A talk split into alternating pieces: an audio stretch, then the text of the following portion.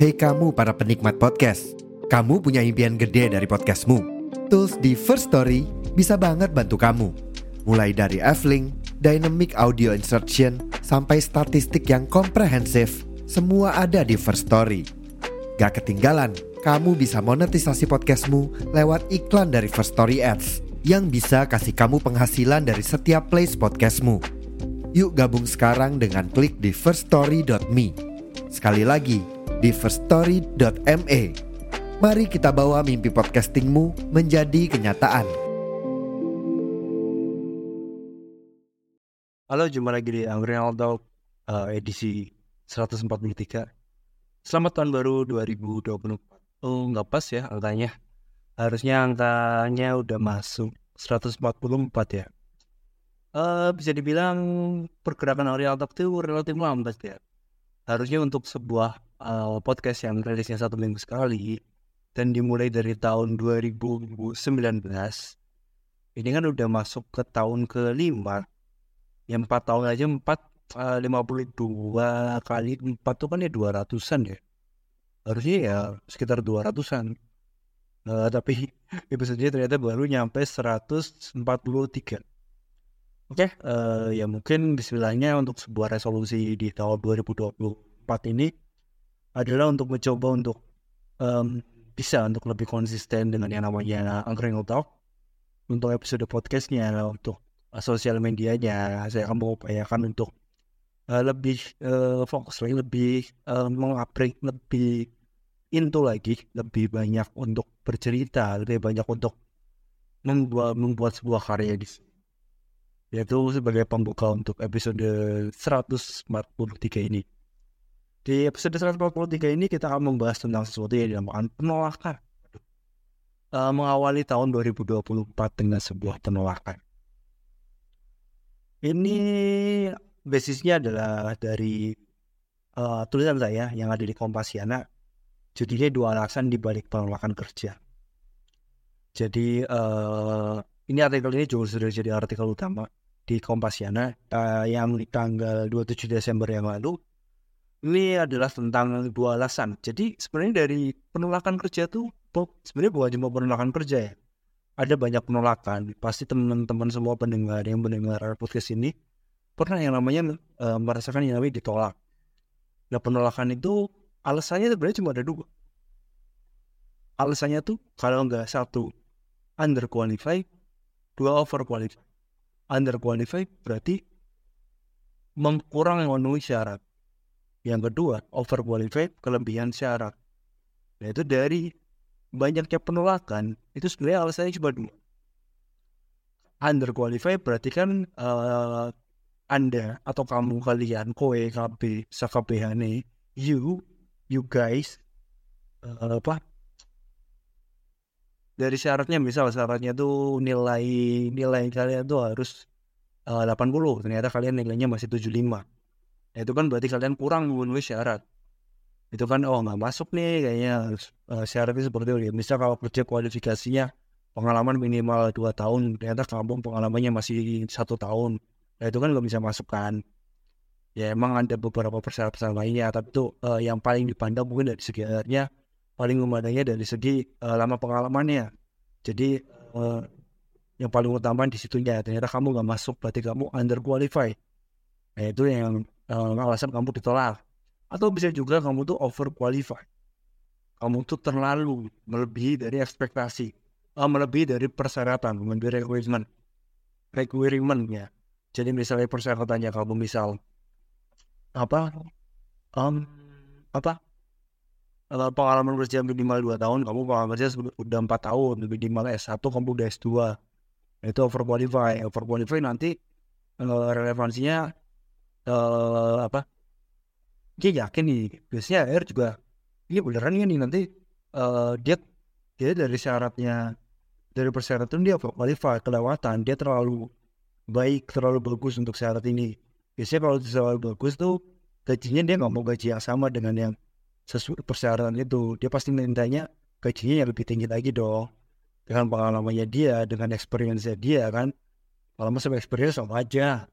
Itu bahasa Inggris juga keblak ya sama aja pengalamannya. Ya pengalamannya dengan skill kemamp skill skill atau kemampuan. Skill sama kemampuan sama aja juga sih.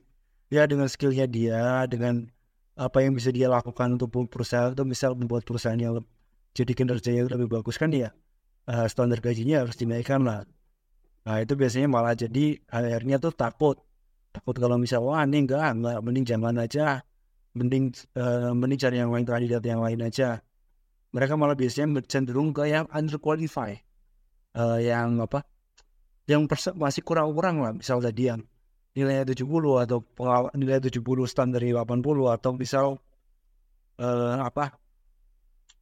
Uh, pengalamannya minimal 2 tahun tapi baru pengalaman satu tahun. Nah itu mereka ya udah ini aja nih. Uh, tapi ya itu dampaknya tuh usernya atasannya nanti itu akan ada butuh waktu ekstra untuk ngasih uh, training atau mesti arahan. Karena biasanya orang-orang kayak gitu ya ini juga uh, bisa juga mempengaruhi kinerja perusahaan. Perusahaannya malah jadi akan performanya bisa jadi, bisa lantas turun karena uh, perform karena usernya yang harusnya ngurus yang lainnya itu malah jadi uh, terpaksa ngurus yang namanya si ini apa si karyawan baru ini.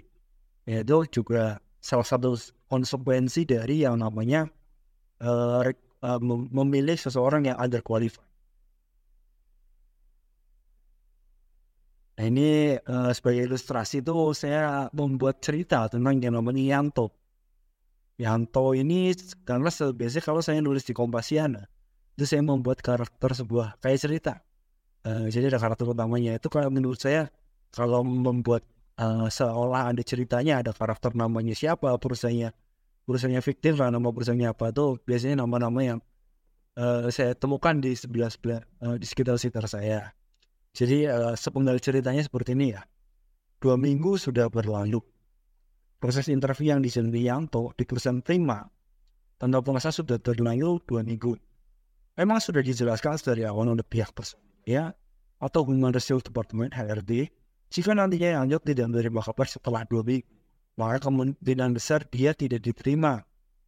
Namun yang membuat Yanto jadi baper adalah karena dia sudah sampai tahapan interview user dia sudah berbincang langsung dengan calon atasannya yaitu Pak Wawan.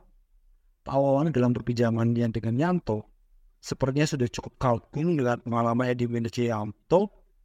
Namun kemudian sedikit mengenakan dahi saat mendengar jawaban Yanto mengenai angka gaji yang diminta. Nah, ini percakapannya antara Yanto dan Pak Wawan. Nah, Wawan ngomong nih, Mas untuk gaji tersebut apakah masih bisa diturunkan? Apakah untuk ekspektasi gajinya bisa diturunkan? Lalu Sianto menjawab dengan mata, sudah sesuai Pak. Untuk kemampuan dan pengalaman yang saya miliki, angka tersebut adalah yang sesuai di Anton dan juga minta. Oke, kalau kemudian menutup interview tersebut.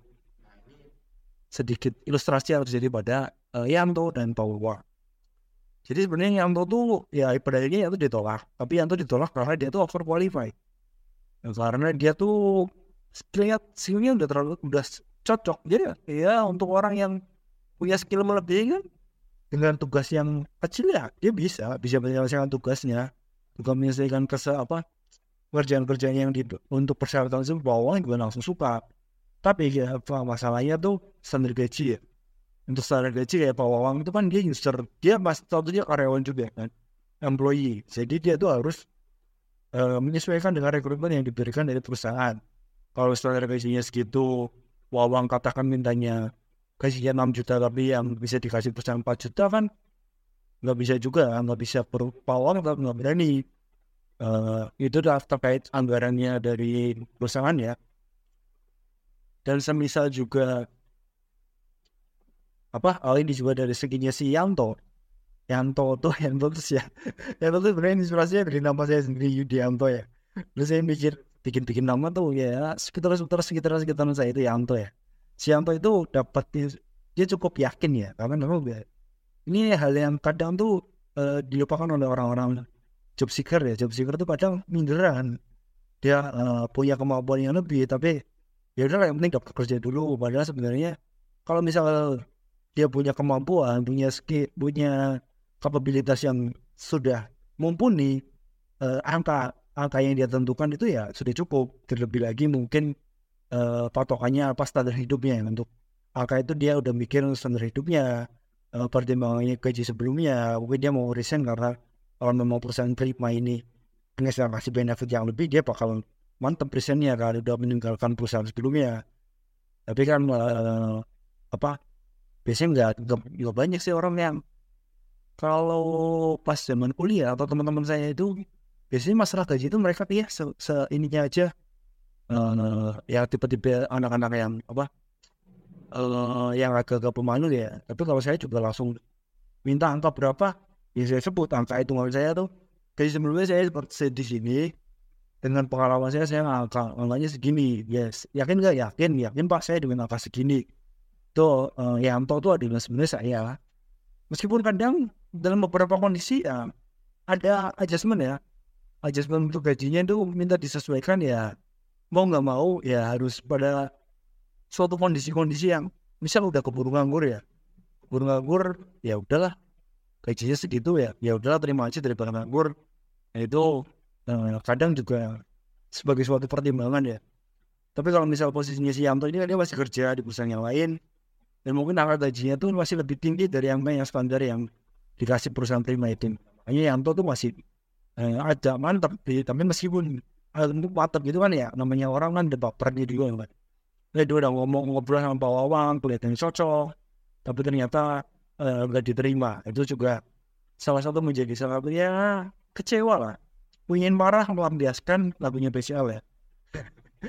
Oke okay, uh, eh, skip aja.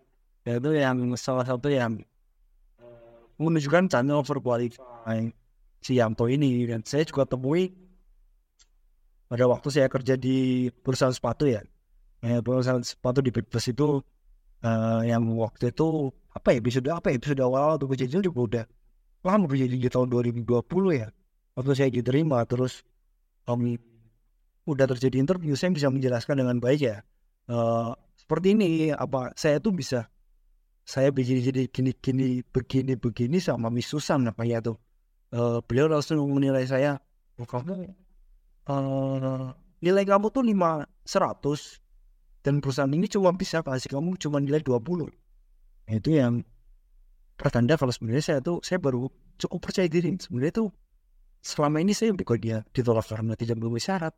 Saya melebihi syarat. Jadi makanya saya uh, merasa cukup percaya diri ya. Uh, tapi itu memang ya emang tapi uh, kejadiannya nggak bisa bermacam-macam ya. Tapi yang jelas dari sebuah penolakan itu kita belajar uh, kalau misal berarti kita nggak sesuai.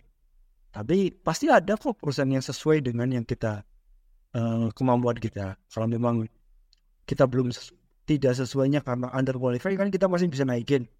Kalau karena over qualify lebih baik ya udah tinggalin aja perusahaan itu karena uh, lebih baik meningkatkan skill daripada menurun apa uh, dibayar murah karena menurunkan skill. Itu salah satu sebuah prinsip ya. Terdengarnya sombong. Mungkin ada orang yang bilang wah ini sombong banget kayak gini nih. Tapi daripada terpuruk karena merasa kamu tuh nggak bisa apa-apa kamu wah kamu tuh uh, cemen apalah. Lebih baik menghargai diri lebih baik self love dulu lah. Menilai diri ya tidak terlalu over juga. Menilai diri dengan baik aja kalau bisa mau saya over qualified di sini. Jadi ini tidak sesuai dengan saya. Kan itu ya ya cari perusahaan lain. Pasti ada. Pasti ada yang sesuai. Itu kan namanya jodoh ya. Ini sesuatu jodoh. Pada saya juga ketemu jodoh. Yaitu uh, sesuatu prinsip hidup saya. Dan saya terbuka untuk teman-teman yang mau uh, komen atau mau menyanggah pendapat saya ini saya persilahkan. Uh, mungkin bisa melalui kolom komentar atau mulai saya melalui email yang di podcast ini di Spotify ada kontak email saya jadi teman-teman kalau misal uh, mau menyanggah atau mau apa silahkan bisa komen di podcast ini di Spotify bisa ada komennya di first story-nya juga ada atau teman-teman bisa langsung uh, via email. Dan itu aja untuk episode kali ini. Ada uh, kita sedikit resume ada dua alasan untuk dibalik penolakan. Satu under qualified dua over qualified dan kalau kamu ditolak oh, positif thinking aja kalau kamu tuh over qualified jadi kamu terlalu baik dan kalau misalnya perusahaanmu terlalu baik ya, kamu harus cari perusahaan yang memang cukup baik untuk kamu. Dan semangat. Selamat memulai mengawali tahun baru 2024. Selamat beraktivitas dan wassalamualaikum warahmatullahi wabarakatuh.